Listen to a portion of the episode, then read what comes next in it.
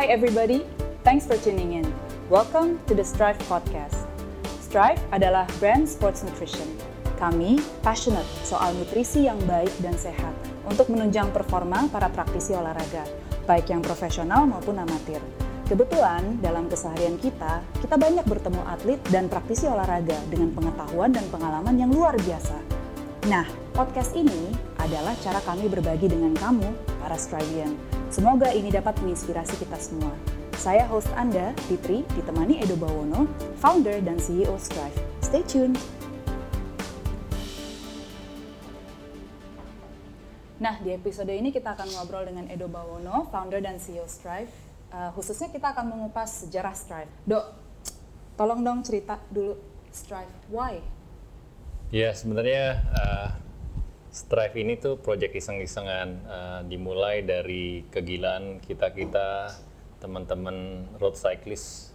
Cuma sekedar mencari tanda kutip bensin untuk uh, supply energi kita untuk lagi pas muter-muter sepedaan. Uh, dan perjalanannya itu dari tadi iseng-iseng eh menjadi serius karena banyak kenalan teman-teman ex atlet pro uh, lalu juga ada teman food scientist yang sharing banyak ke saya untuk uh, bikin bensin yang lebih nendang lah untuk kita semua sepedaan.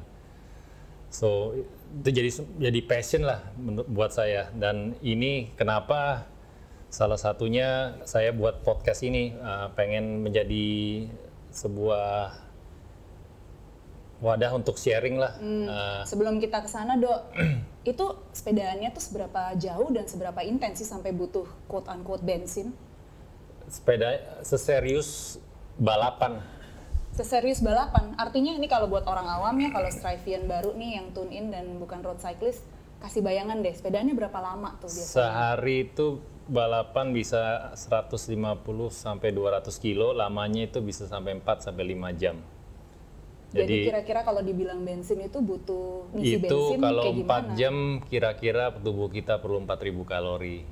4000 kalori ya, bayangin 4000 kalori mungkin 6 bungkus nasi uduk.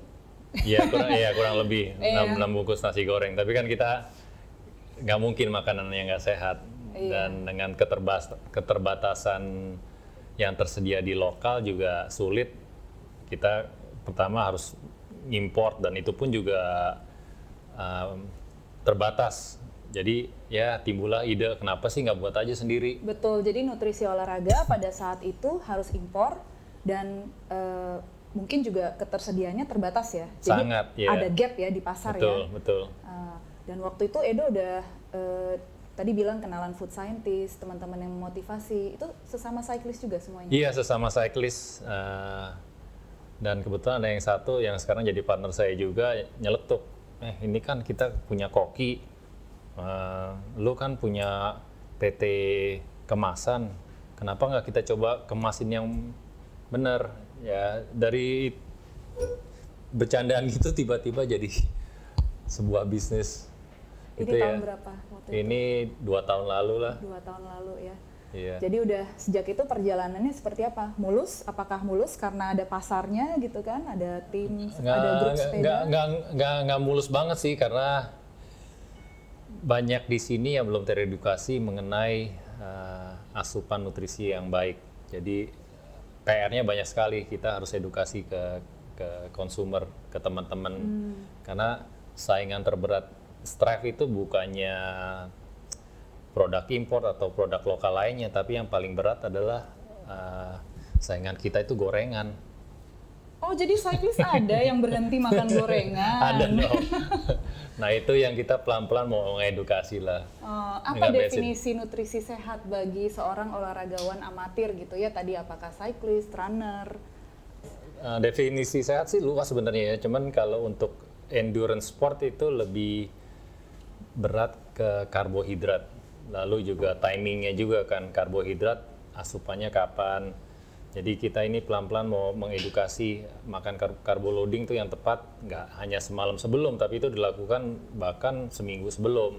Lalu juga pas during makannya apa. Lalu yang pentingnya lagi setelah post exercise uh, tipe makanannya harus switch yang tadinya dari karbo ke protein supaya untuk uh, gunanya untuk muscle recovery. Dan itu efeknya cuma ke kesehatan atau lebih luas lagi?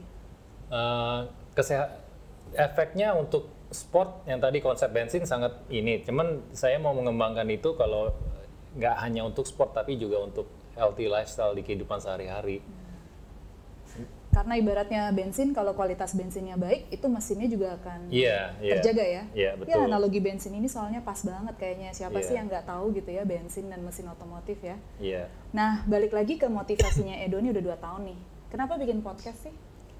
Ya itu karena kan saya juga di Strive ini kan juga banyak dibantu sekali sama teman-teman yang baik sekali sama saya. Ya ini idenya tuh untuk paying forward lah apa untuk berbagi ke teman-teman lainnya supaya bisa dapat pencerahan seperti saya dapat pencerahan dari teman-teman yang sudah profesi di kaliber dunia uh, bahkan dari pro cyclist yang sudah berkompetisi di Tour de France, Giro d'Italia itu tuh saya mau bagi gitu. Uh, ya dan Strive itu juga bukan sekedar saya cuma jualan bar doang saya pengen ini menjadi sesuatu yang lebih dari itu. Uh, pengen memajukan karena saya juga ex atlet, saya punya hasrat untuk yeah.